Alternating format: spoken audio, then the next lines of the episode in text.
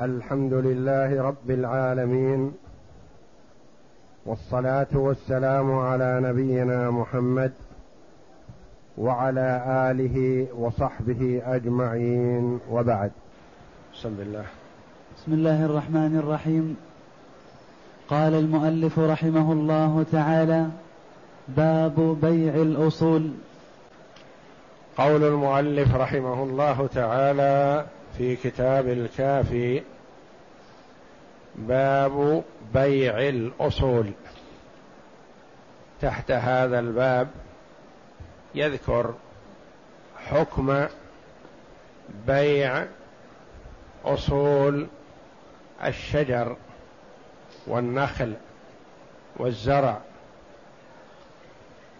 وهل الثمرة الموجودة تكون للبايع مبقاة إلى وقت استوائها أم تكون للمشتري والتفصيل في هذا؟ نعم. من باع نخلا مؤبرا فثمرته فثمرتها للبائع إلا أن يشترطها المبتاع فتكون له. من باع نخلا مؤبرا. المؤبر يعني خرجت الثمرة ولقحت تشققت عن الغلاف الكافور ولقحت وضع فيها لقاح الذكر. هذا النخل المؤبر. يعني للنخل حالات. حالة يكون لا يكون عليها ثمر. ما أطلعت. حالة أخرى أطلعت مبادئ الثمر لكنها ما تشققت وما أبرت يعني ما لقحت. الحال الثالثة أن تكون الثمرة قد بدت وتشقق عنها الكافور وأبرت أي لقحت. يعني وضع فيها شيء من طلع النخل الذكر. هذه تسمى مؤبرة. ملقحة. في هذه الحال يكون الثمر الموجود للبايع وللمشتري أصول النخل. هذا في حال لم يكن هناك اشتراط صاحب البستان باعه كاملا. والثمر قد بدا وأبر. وسكت عن الثمر فتكون الثمرة للبايع. لأنه تولى تأبيرها وتشوق إليها فتكون له كأنها منفصلة عن النخل. مثل لو باع ناقة معها ابن لها أو بنت لها ولم يتعرض للبنت ببيع ولا عرض فإنها تكون للبايع. والأم وحدها هي التي عرضت للبيع وبيعت على المشتري فتكون له. كذلك النخل إذا سكت عن الثمرة المؤبرة فهي للبايع. وإن لم تؤبر فهي للمشتري إلا أن يشترطها البائع فتكون له. وإن لم تؤبر يعني ما طلع الثمر أو طلع الثمر بدأ ولم يؤبر ما لقحت لا يزال مغلق عليه الكافور. ففي هذه الحال تكون الثمرة هذه للمشتري. وفي كلا الحالين حال كونها للبايع أو حال كونها للمشتري إذا سكت عنها. أما إذا اشترطها المشتري في حال التأبير فتكون له أو اشترطها البايع في حال عدم التأبير فتكون له حسب الشرط. فمثلا الرجل باع بستان بدا طلعه ولم يؤبر فقال البائع أنا أشترط هذه الثمرة التي تراها الآن في فروع النخل. وإن لم تؤبر هذه لي. فرضي بذلك المشتري فالبائع على شرطه. صاحب البستان أبر النخل كلها وعرضها للبيع على نية أن الثمرة تكون له. فسيمت من واحد لواحد ثم استقرت لواحد من الناس فاشتراها فقبل توقيع العقد قال انتبه الثمرة هذه التي في فروع النخل وإن كانت مؤبرة فأنا أشترطها لي. لا أرضى أن تكون هذه الثمرة لك أنا اشتريت اشتريت ماذا؟ أشتري خشب؟ أريد أشتري نخل وأخرف ثم إذا تركت ثمرتك أنا أسقي ثمرة غيري. فأنا لا أدفع لك ولا ألتزم بشراء حتى تقر بأن هذه الثمرة لي أنا المشتري. فتكون له إذا رضي بذلك البايع. لكن هذا التفصيل في حال السكوت. رجل جاء من بعيد ووجد هذا النخل يباع يعرض للبيع فاشترى البستان كاملا. وإذا به نخيل مؤبرة. فبعد تمام البيع يقول البايع هي لي. ويقول المشتري لا أنا اشتريت النخل بثمرته. فجاءوا إليك لتفصل بينهم فتقول المسألة محكومة لا مني وإنما ممن هو أفضل الخلق على الإطلاق صلوات الله وسلامه عليه. وقد روى ابن عمر رضي الله عنهما أن النبي صلى الله عليه وسلم قال من باع نخلا بعد أن تؤبر فثمرتها للبايع إلا أن يشترطها المبتاع. متفق عليه. هذا حديث صحيح. رواه البخاري ومسلم. فيقول المشتري حينئذ رضيت بما حكم به رسول الله صلى الله عليه وسلم. نقول لو اشترطتها أنت صارت لك.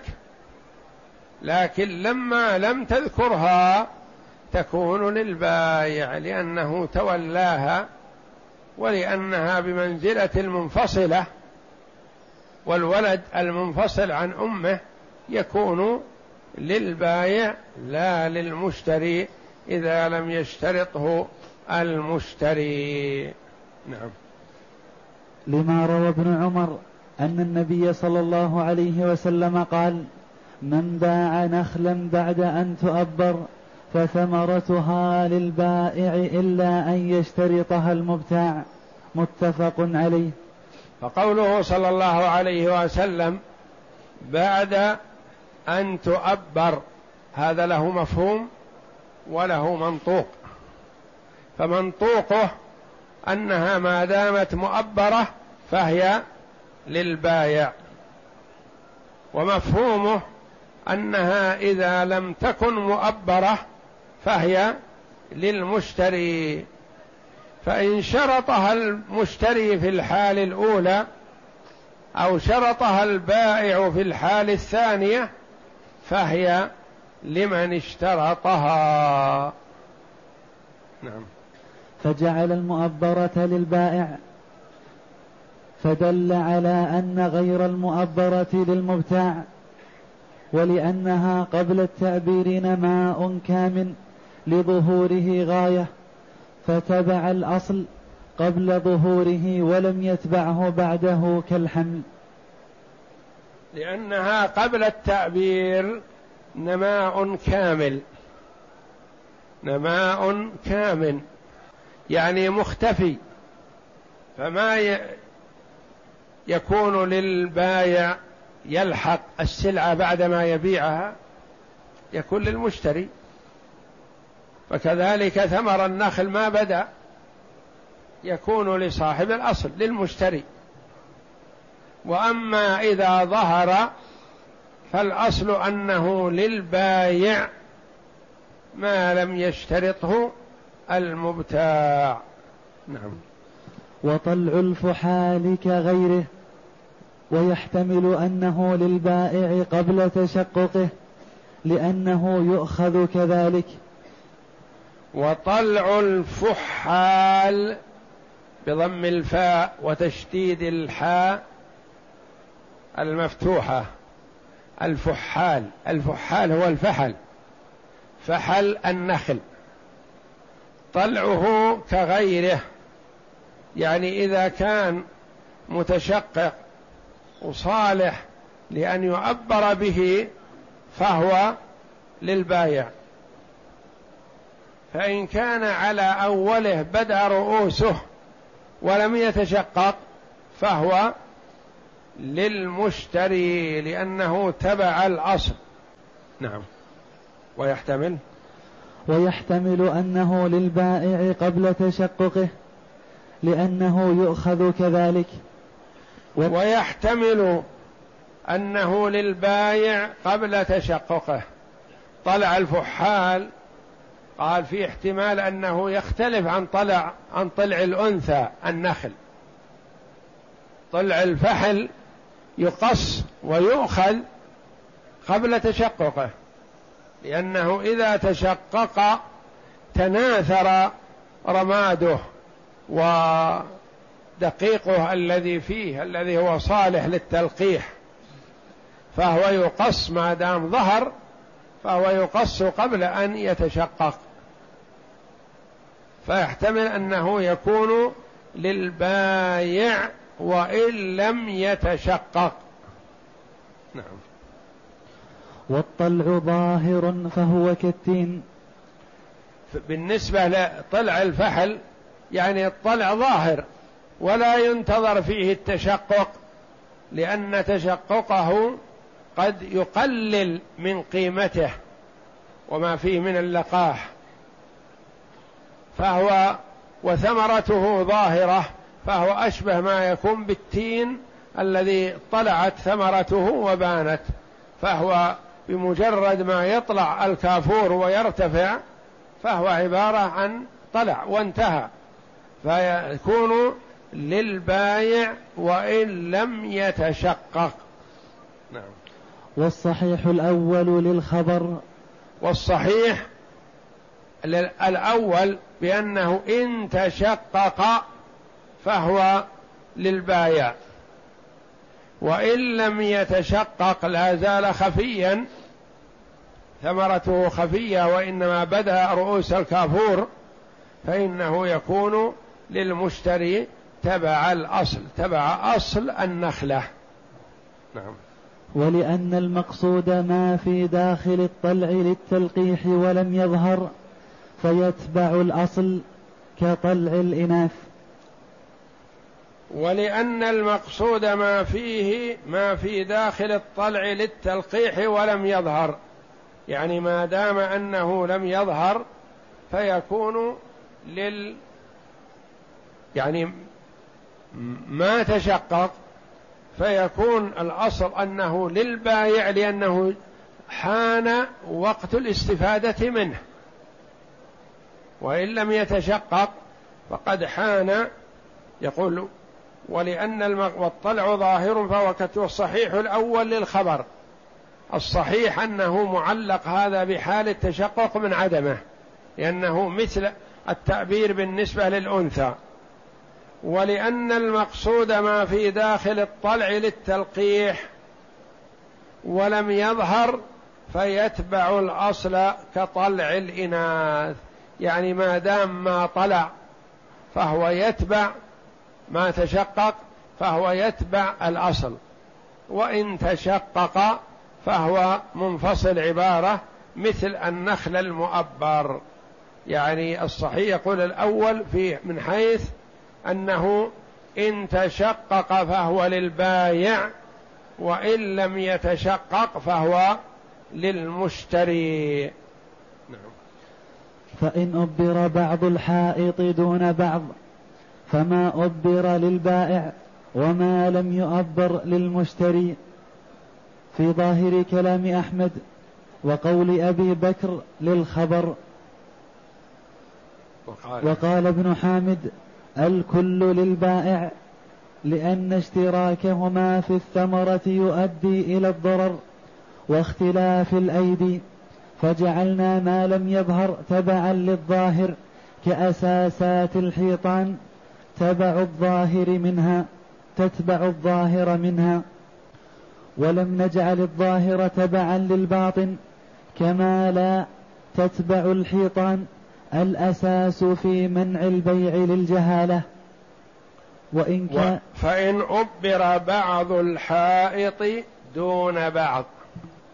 صار وقت البيع هو في وقت انتشار الطلع فبعض الحائط أبر وبعض الحائط لم يعبر فالأصل على القاعدة السابقة وعلى الحديث أن ما أبر للبايع وما لم يؤبر يكون للمشتري. باع مثلا بستان فيه ألف نخلة بالنظر والعدد وجد خمسمائة مؤبرة ووجد خمسمائة لم تؤبر. الآن تو طلعها بدأ. فتخاصما إليك فماذا أنت قائل؟ على ضوء الحديث السابق أن ما أبر للبايع وما لم يؤبر يكون للمشتري. فما أبر للبايع وما لم يؤبر للمشتري. هذا ما دل عليه الحديث وهو ظاهر كلام أحمد وقول أبي بكر من الحنابلة للخبر يعني استنادا على الحديث. وقال ابن حامد الكل للبايع المؤبر وغير المؤبر. ما دام في شيء مؤبر فهو للبايع ويتبعه غير المؤبر. لما يرحمك الله؟ يقول إذا قلنا المؤبر للبايع وغير المؤبر للمشتري حصل الخلاف. والإسلام حريص على درء الخلاف والنزاع. سيتنازعان. يقول هذه مؤبرة قبل البيع. يقول لا هذه ما أبرت إلا بعد ما تم البيع. وكل واحد يقول هي لي. يقول لا نجعل الخفي يتبع الظاهر. ما دام شيء مؤبر فالباقي يتبعه. ولما لا تجعل الظاهر يتبع الخفي؟ يقول لا.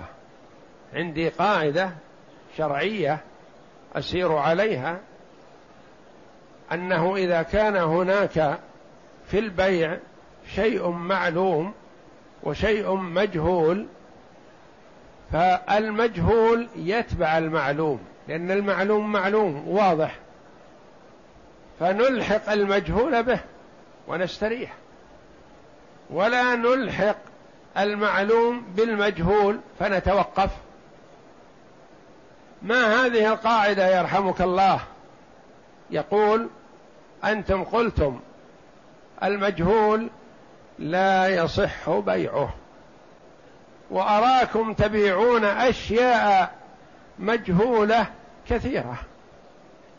فلما؟ نقول اذكر لنا شيئا من ذلك. يقول نعم. أساس الدار. ألستم تبيعونه مع الدار؟ بلى. هل اطلعتم على أساسها ما هو؟ حفرتم ونظرتم؟ هل القواعد اسمنت حديد؟ أم القواعد حجر؟ أم القواعد طابوك؟ أم القواعد طين؟ اطلعتم عليها؟ نقول لا ما اطلعنا عليها. فلم تبيعونها وهي مجهولة؟ أتجرون عليها البيع؟ نقول نجعل المجهول تبعا للمعلوم. الأساسات تبعا للدار. والدار اطلع عليها المشتري وعرفها فرغب فيها فاشتراها. يقول لما يرحمكم الله توافقون على هذا في مصلحتكم. وما ذكرت لكم أنا. تقولون هذا مجهول. لا. أنا أقول لكم مثل ما تقولون لي. أجعل المجهول الذي توه بدأ طلعه تبعا للمعلوم الذي تشقق وعبر ونستريح من الإشكال والمنازعات وإشغال المحاكم والقضاة. ويكون عندنا عمدة حديث النبي صلى الله عليه وسلم وإن كان ما نريد قياسه مجهول لكن نجعله تبعا للمعلوم. فقول ابن حامد له حظ من النظر. يقول اتبع المجهول لأنه غالبا إذا أبر النخل ما يبقى إلا شيء قليل. لأنه يأتي دفعة واحدة يتخلف نخيلات قليلة. فلما نجعلها تبع المشتري وتلك كلها تبع البايع. نجعل المجهول هذا الذي لم يعبر تبع المعلوم الذي أبر. نعم. وإن كان المبيع حائطين لم يتبع أحدهما صاحبه. لأنه لا يفضي إلى سوء المشاركة لانفراد أحدهما من الآخر. وإن كان المبيع حائطين لم يتبع أحدهما صاحبه. صحيح. هذا الرجل له بستان في شرقي المدينة وله آخر في غربي المدينة أو لا يحجز بينهما إلا جدار. باعهما معا دفعة واحدة. أحد البستانين بادرت الثمرة فأبر.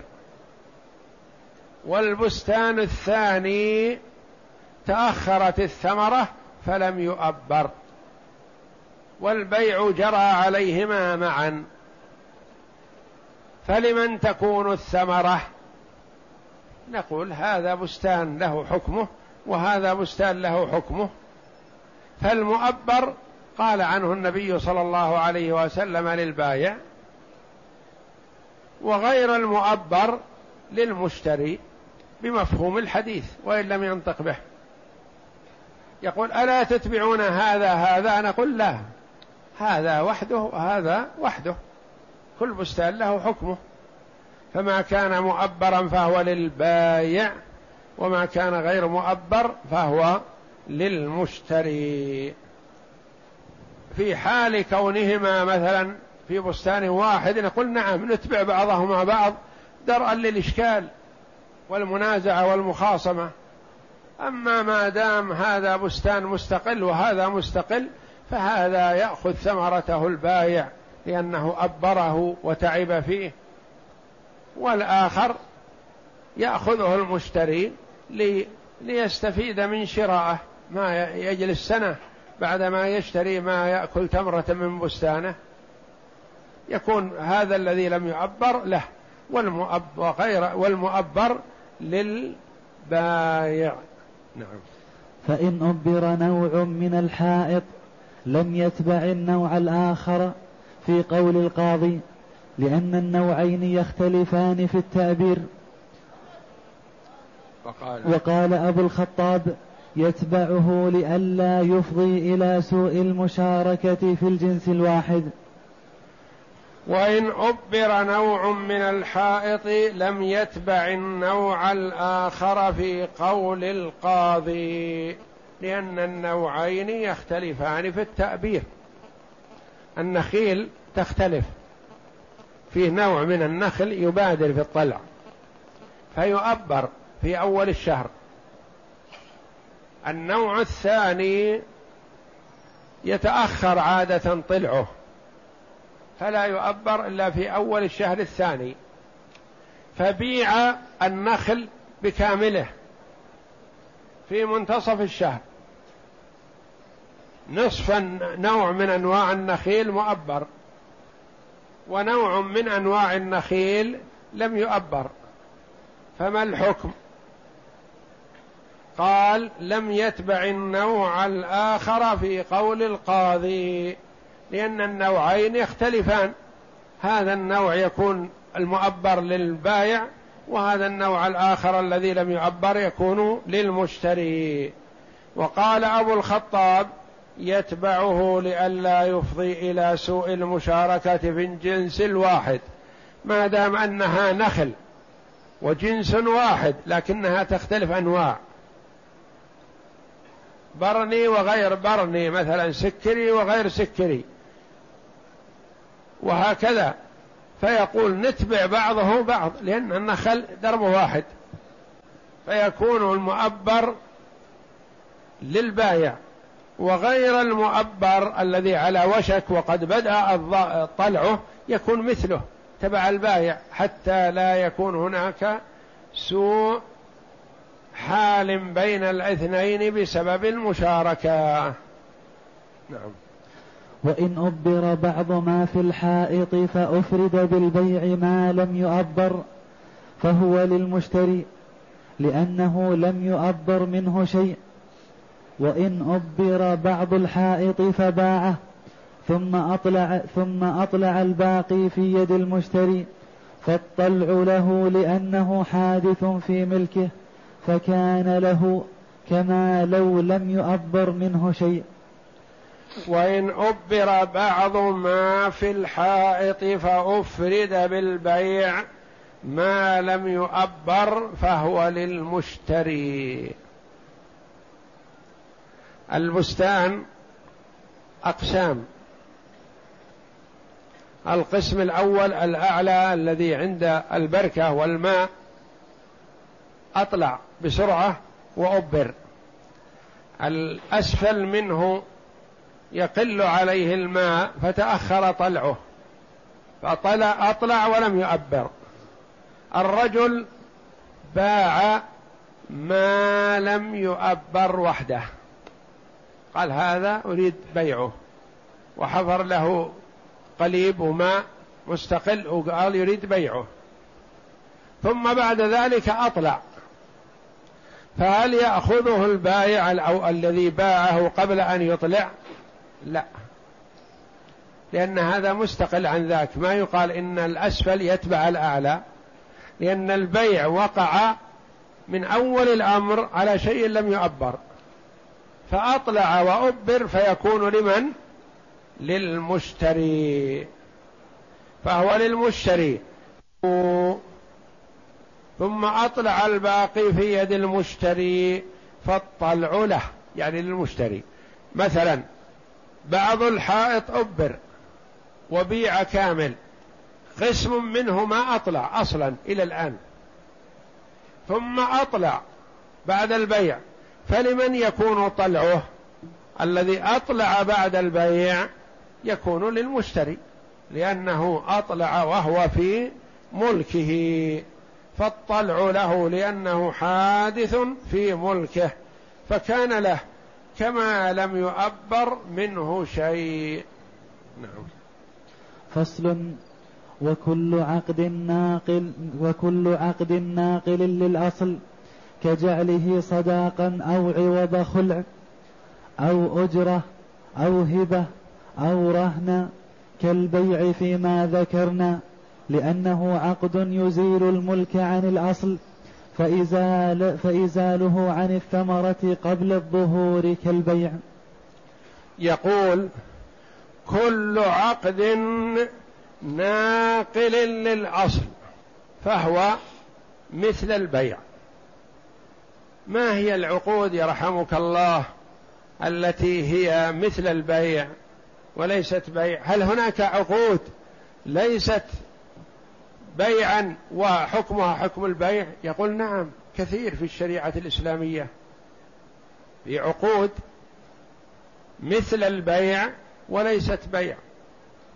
فإذا اختلف في التعبير فهو على ما سبق في البيع سواء بسواء. ما هي هذه العقود يرحمك الله؟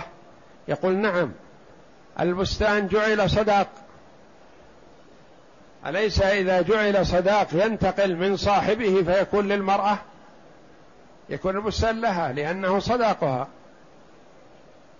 البستان للمرأة فأرادت التخلص من الرجل فقالت خلصني ولك بستاني بما فيه.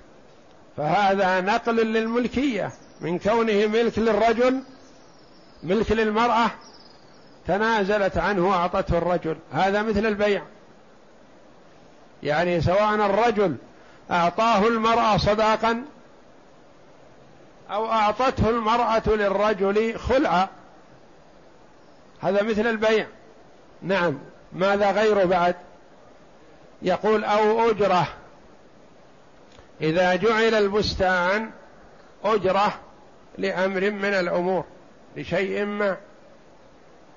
فحكمه حكم البيع وسيأتي تفصيله. أو هبة. الرجل وهب البستان هذا لغيره لجاره لأخيه. لصاحبه وفيه الثمر مؤبر أو لم يؤبر؟ لمن يكون الثمر؟ يكون إذا كان مؤبر فهو للأول وإذا كان غير مؤبر فهو للموهوب له. أو رهنا كذلك هذا البستان جعل رهن في دين ما وفيه الثمرة. فحان وقت الجذاذ فالمرتهن يقول الثمرة تبع الأصل لأنه رهن والراهن يقول لا الثمرة تبعي لأنها منفصلة. فنقول إذا كانت وقت الرهن مؤبرة فهي تبع المرتهن فهي تبع الراهن. إذا كانت مؤبرة فهي للأول الذي رهن الشيء. وإن كانت لم تؤبر فهي للمرتهن تبع الأصل. ونوضحها بالمثال. كالبيع فيما ذكرنا لأنه عقد يزيل الملك عن الأصل يعني عن صاحبه الأصلي. فأزاله عن الثمرة قبل الظهور كالبيع. نرجع إليها واحدا واحدا. وكل عقد ناقل للأصل كجعله صداقا. نعم. الرجل خطب امرأة فوافقت المرأة على أن تعلم ما هو صداقها. لأن إن كان صداقها لا يعجبها فترفض. فقال الرجل أعطيك هذا البستان بكامله ملك لك. فجاءت في ساعة من ليل أو نهار فاطلعت على البستان بستان النخيل فإذا فيه الثمار الحسنة قالت في نفسها لو ما جاءني إلا هذه الثمرة تكفي. فرضيت وتم العقد على أن لها البستان هذا ودخل على زوجته. ثم بعد شهر جاء يخرف ويدخل للسوق يبيع. قالت له قف هذا مهري. يقول لا مهرك الأصل النخل.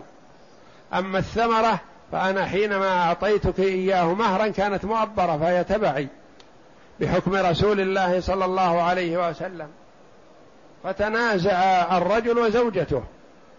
الزوجة الآن ما يمكنها أن تتراجع ما حصل الدخول وإنما تريد هذه الثمرة. فماذا أنت قائل؟ تقول الثمرة للرجل لأنه حينما دفعها دفع البستان صداقا كانت الثمرة مؤبرة فهي للذي أول للأول فهي للبايع وهذا حكم حكم البايع صاحب الأصل. وعكسها إذا كان ثمن خلع. البستان البستان للمرأة. فقالت للزوج خلصني. قال لا. قالت خلصني وأعطيك هذا البستان الذي ورثته من أبي. فجاء واطلع فوجد الثمار فيه. ثمار النخيل حسنة فأعجبته فرضي بذلك فأخذ البستان وطلق المرأة واعتدت المرأة وتزوجت زوجا آخر فجاء ليخرف فكفت يده قالت انتظر ما تأخذ تمرة واحدة هذا لي لأني أنا أعطيتك إياه متى؟ بعد التأبير. فهو فالثمرة للمرأة وزوجها الجديد والزوج الأول له النخل أو أجرة. كذلك جاء الرجل له البستان المؤبر وقال لشخص ما أريد أن تعمر لي بيت على هذه الأرض وأعطيك هذا البستان كله لك. ولم يأتي ذكر للثمرة. فوافق الرجل على أن يعمر لصاحبه بيت ويأخذ هذا البستان. ثم إنه أراد أن يستفيد من الثمرة فمنعه صاحب البستان الأول. قال الثمرة لي لأني حينما اتفقت معك كان الثمر مؤبر فهو للبايع وأنا بمثابة البايع. أنا الذي تنازلت عنه لك مقابل عمارتك لبيتي فالثمرة لي. فهي للأول. أو هبة مثلها. الرجل عنده بستان قد أبر فوهبه لشخص ما. فجاء الموهوب له لينتفع بالثمرة فقال له انتظر هذه الثمرة لي. قال لا يا أخي أنت أعطيتني البستان كامل. والثمرة تبعه. قال لا الثمرة لي أنا الذي أبرتها فهي لي وإنما لك النخل أن مستقبلا إن شاء الله. وهكذا أو هبة أو رهن مثله. الرجل عليه دين فطالب صاحب الحق بحقه وألح فأعطي رهن. قيل له هذا البستان رهن لك. والبستان قد أبر نخله. فجاء المرتهن صاحب الدين يريد أن يخرف ويبيع ويجمع القيمة ليسدد بها دينه ليأخذها. قال له الراهن الأول لا هذه الثمرة لي لأني جعلته رهنا بيدك والثمرة قد أبرت. فلا تدخل الثمرة تبع الأصل وإنما هو رهن بيدك الأصل بيدك الشجر النخل. أما الثمرة المؤبرة فهي لي وليست لك فهي حينئذ للراهن لأن الراهن هو المدين والمرتهن هو الذي أخذ العين رهنا. والله أعلم وصلى الله وسلم وبارك على عبد ورسول نبينا محمد وعلى آله وصحبه أجمعين.